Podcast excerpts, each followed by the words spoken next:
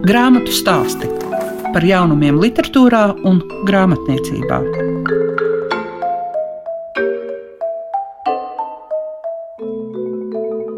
Esiet sveicināti visi tie, kas klausās grāmatu stāstus. Tātad esat arī kopā ar klasiku. Un šīs dienas raidījumā, ko veidojas Lieka Piešiņa, mēs pievērsīsimies debišķīgām lietām, jo Jāņa Rozes apgādā iznākusi Aškinītes rases grāmata Glesum un arī Vormela Krisa un Brīņģa Ramana planetāriumu.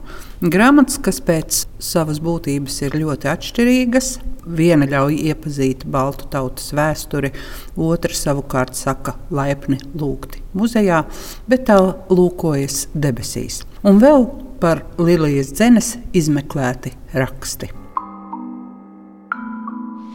grāmatu stāsti tiem, kam grāmatu lasīšana ir vērtība.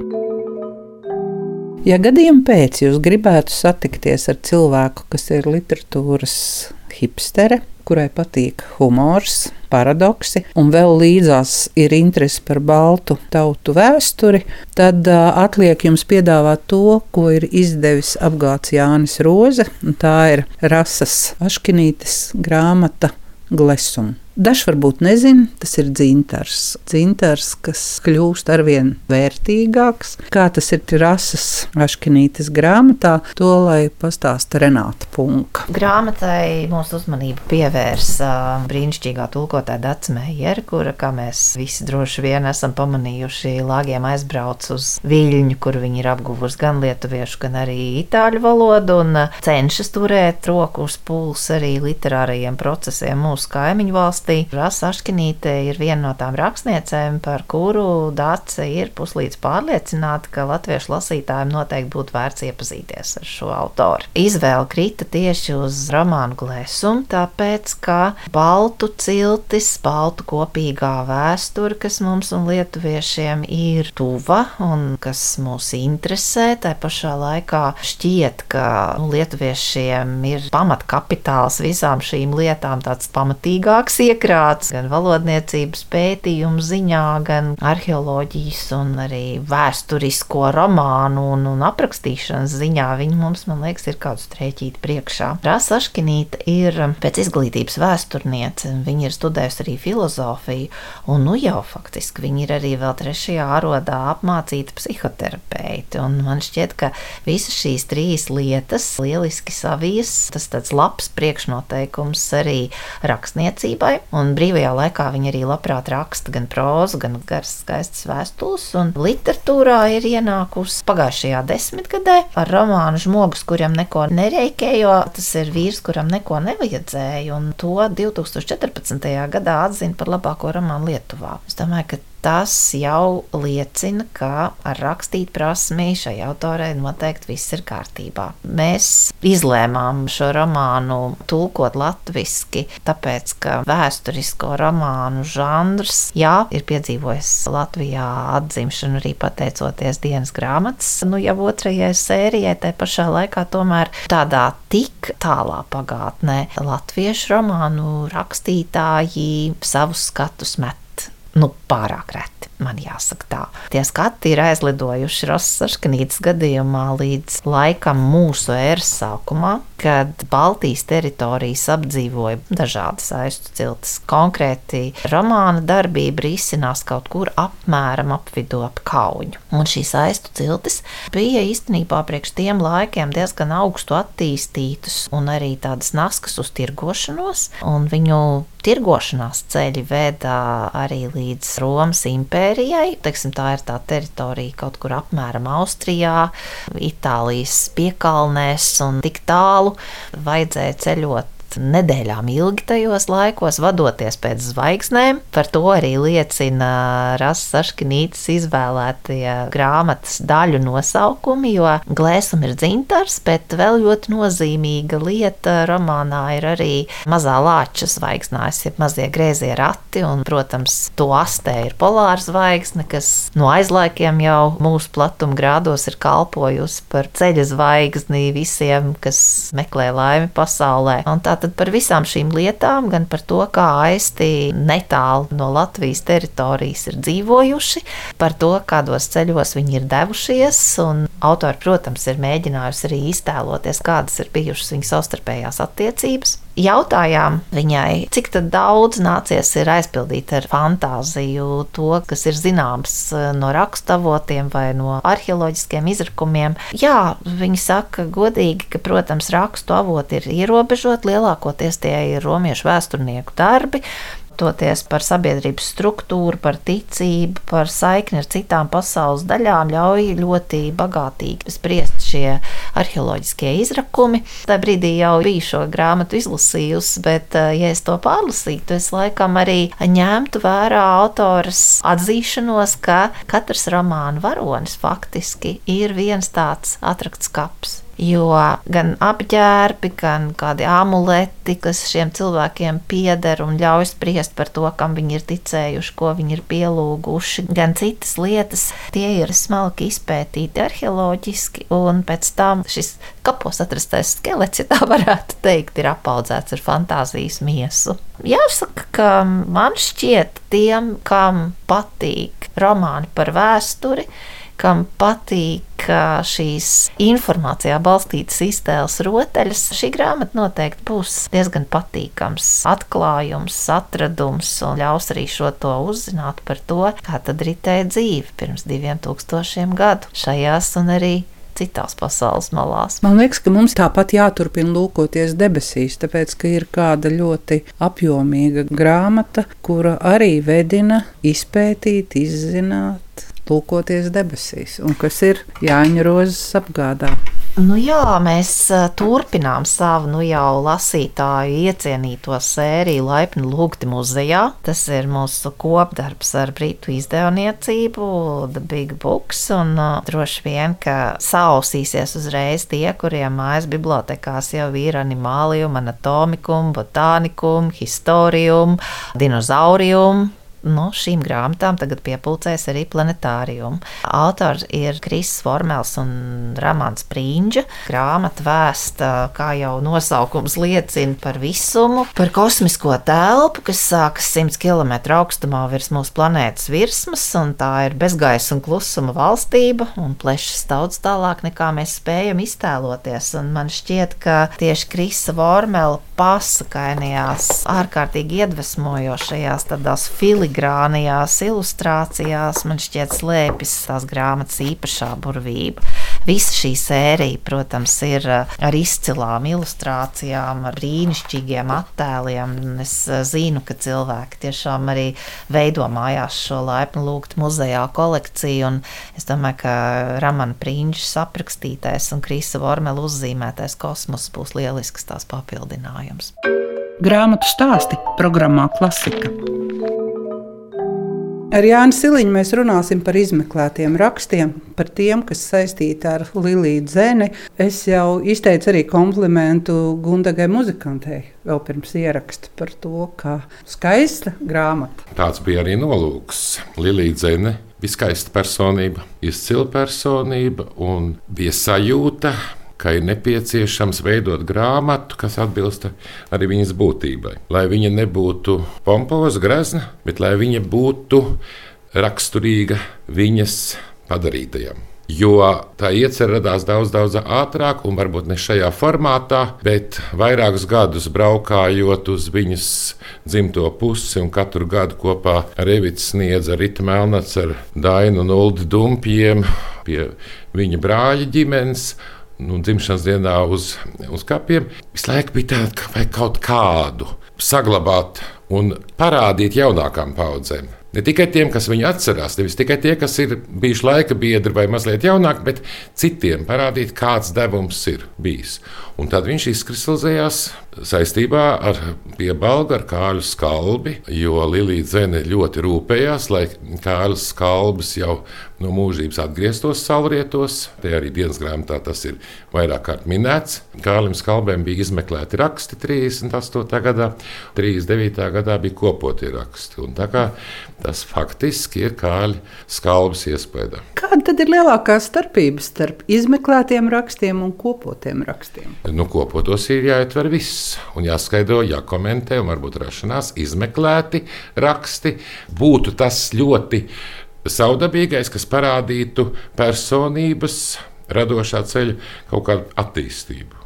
Dienas grāmata ir viens, tā arī parāda attīstību, bet izvēlētās recenzijas vai raksti, arī viena ievietotā intervija ar viņu parāda ceļu. Parāda nu, lielu ceļu, tomēr no 1952. gada līdz 2007. gadam. Tātad lielu ceļu. Pat vairāk tur tas ir, kas parāda attīstību un parāda arī, kā cilvēks, radošs cilvēks, kurš varbūt publiskajā telpā ir bijis pieejams, citādāks, un kā viņš atklājās tagad, pēc lielāka laika sprīža. Ja ir šie trīs punkti, plus jau vēl ir noteikti jāpiemina arī tas, ka te ir ļoti rūpīgi strādāts pie informācijas, pie tā, lai mēs zinātu par visiem tiem cilvēkiem, ar kuriem viņi ir saskaras, gan dzimšanas, gan vēl visus tos datus. Bet kas no visa tā bija sarežģītākais? Sarežģīts nebija nekas sarežģītākais, kā man arī prasa, vai, jo man redziet, ir nonācis rokā arī pie tajā šķūnī, ko es atradu pie, pie Balgā, ko brālis Ulas Mačs iedeva daudz dažādiem ierakstiem. Tam līdzīgi arī kāds Lilijai Dzenei uz gadsimta mījus mazliet priekš bija palīdzējis sakārtot visus rakstus. Tas jau padarīts darbs. Tas bija padarīts. Plus, ka man dažādos atgriezuma veidos visā tajā kastē putekļi atnāca pie manis. Un tad man likās, ka es lasu visus, kādu izlasu, kādu pēc virsraksta tikai un atlieku. Un tad tā bija tās dienas grāmatas ritē Melnacē atdots, ko es nezināju. Tad tas bija tāds īpatnējs ceļš.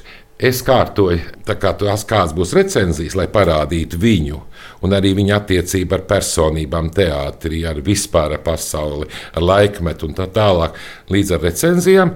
Un Rita pārrakstīja, šifrēja tos ļoti īpatnējos pierakstus. Un, redziet, sakrita nesarunājoties, sakrit, ka faktiski izvēlējāmies līdzīgi. Bet tas tāpēc, ka mēs katru gadu kaut ko par to pārunājam. Runājam. Un tā kā te grāmatā mēs ieraugām gan recenzijās, gan dienas grāmatās, ieraugām daudzus tos pašus cilvēkus, par kuriem svarīgi. Nu, es minēšu kaut vai Fredi, Alfrēdu Jaunšānu. Tas tur parādās visos veidos. Brīnišķīgais aktieris Jānis Kubils. Tas tur parādās visur viņas draudzene Maija Augstskalna. Šī recenzija, kas ievietot ir Lilijas mačas, ja tad viņai vēl bija uzvārds. Bet pirmā recenzija, kas man ir atkal šajā mapītē, jo man viss ir šādās mapītēs, salikts kaut kādas recenzijas no mākslas. Un, un tad, bet pirmā recenzija, ko mēs neievietojam, vispār bija ar tādu īpatnēju nosaukumu Pirmo reizi Latviešu teātrī.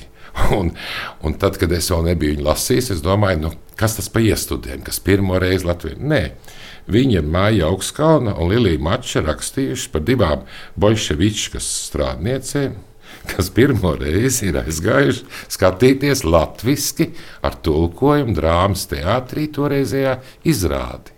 Nu, nav, nu, tas ir ārkārtīgi skaists materiāls. Mēs viņu neievietojam, bet tas ir tas impulss.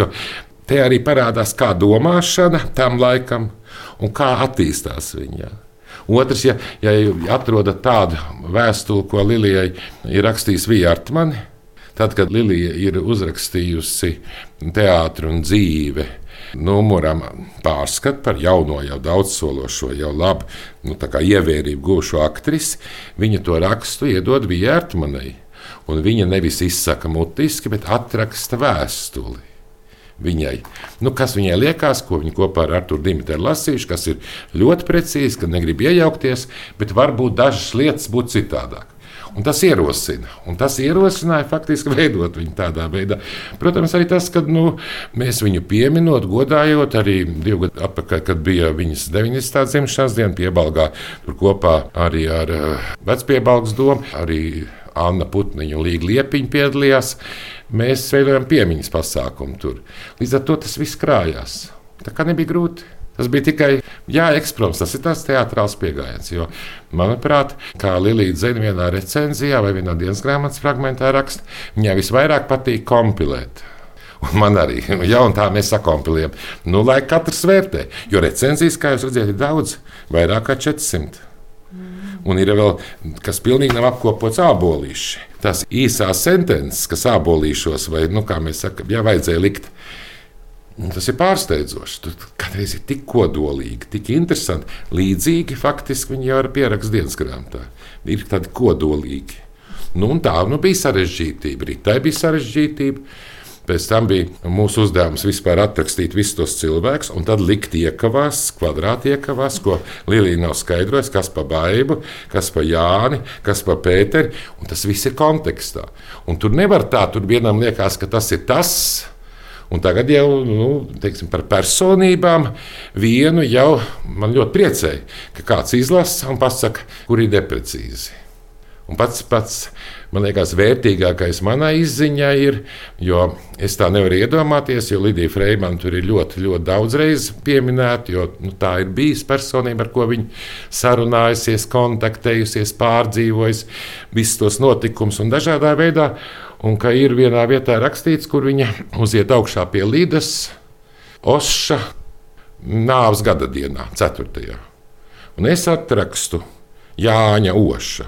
Jo es izlasu, un tā kā es lasīju, Jānis Osakas kaut kad bija pieminēts nu, par drāmas teātru, un Kristīna Pasternaka izlasīja, un saka, jā, Jāni, bet tas ir mans tēvs, jo Jāzepu Pasternaku viņu ģimenē sauc par osi. Un man vajadzēja, tad, kad es liku to Jāni, iedomāties, un es pat no galvas zināju, kad Jānis Osakas ir miris. Man tos četrus gadus vajadzēja aprēķināt, ka tas ir 75. gads, un uzdot sev jautājumu. Es tā domāju par to, bet es domāju, nu, varētu jau aiziet pie Lidijas Freimanas, viņa atminēties osi, jo viņš gal galā ceplī spēlēja Bertu. Varbūt. Nu, tas tā ir. Tās ir ļoti interesantas lietas. Es uzzināju kaut ko jaunu. Cik atšķirīga nu, noraksturojot uh, Lilija Zene ir recenzijās un dienas grāmatās?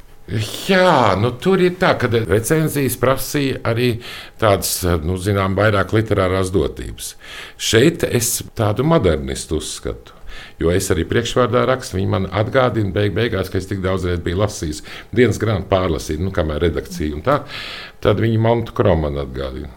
Jā, jo tas ir tā kā nepateiktais, ka ir zemeslānis apakšā.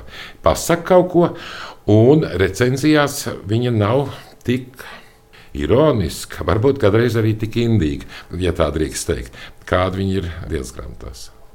Un tas nu, ir ļauts, jo, kā es saprotu, un kāds man arī tagad teica, ka viņa tur pasakā to, un recenzijā bija mazliet citādāk.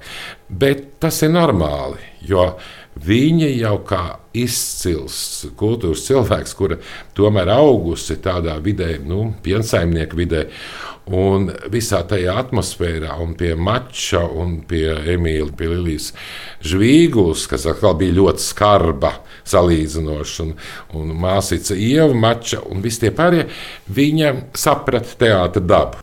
Un viņi ļoti labi saprata, kas, ja ierakstīs recenzijā, būs derīgs profesionāli, bet atkal kas nebūs derīgs, lai iznīcinātu cilvēku. To Lilija nekad nedarīja ko daudzi tomēr kādreiz ieliek iekšā, ka viņi nu, iznīcina to cilvēku. Tur nav nekas radošs process. Es esmu pilnīgi pārliecināts, ka 99% veido izrādes vai raksta lugas vai ko, lai būtu labi, nevis lai būtu slikti. Nu, tas ir Lilijas, un tur var atšķirības redzēt. Jo par kādu izrādi nu, nav daudz tajos pierakstos, kur ir par izrādi. Nu, recenzijā tā nebija. Bet tas ir recenzijā bija pateikts tas pats, bet citādāk. Kā ir ar šo Intas Kārkliņas interviju? Vai bija no daudz kā izvēlēties, un kāpēc izvēlēties šī? Viņas bija kādas intervijas, es kādas deviņas izlasīju. Man ļoti, ļoti palīdzēja Silvija Geikina kur ir pieradusi šifrēt, un tā viņa pārrakstīja. Tad mēs no tām izlasītēm ar viņu izlēmām, nē, mēs ņemsim īņas kārkliņas. Jo tajā arī tā kaut kā ļoti vienkārši viņa atklājās bez kaut kādām tādām, bet daudzpusīgi, pat daudzpusīgāk. Un man liekas, ka viņas tā kā tādas viena paudze, tuvu vienai paudzei. Man tāds sajūta likās. Tur būtiski lietas viņa pasaka. Izskan grāmatu stāstī. Šīs dienas raidījumā dzirdējāt par Aškinītes rases glesumu, Vormela Krisa un Prinča Ramana planetāriumu un Lilijas dzenes izmeklēti raksti Dažādība, kas aicina to iepazīt. Visu labu jums saka Lieka Piešiņa.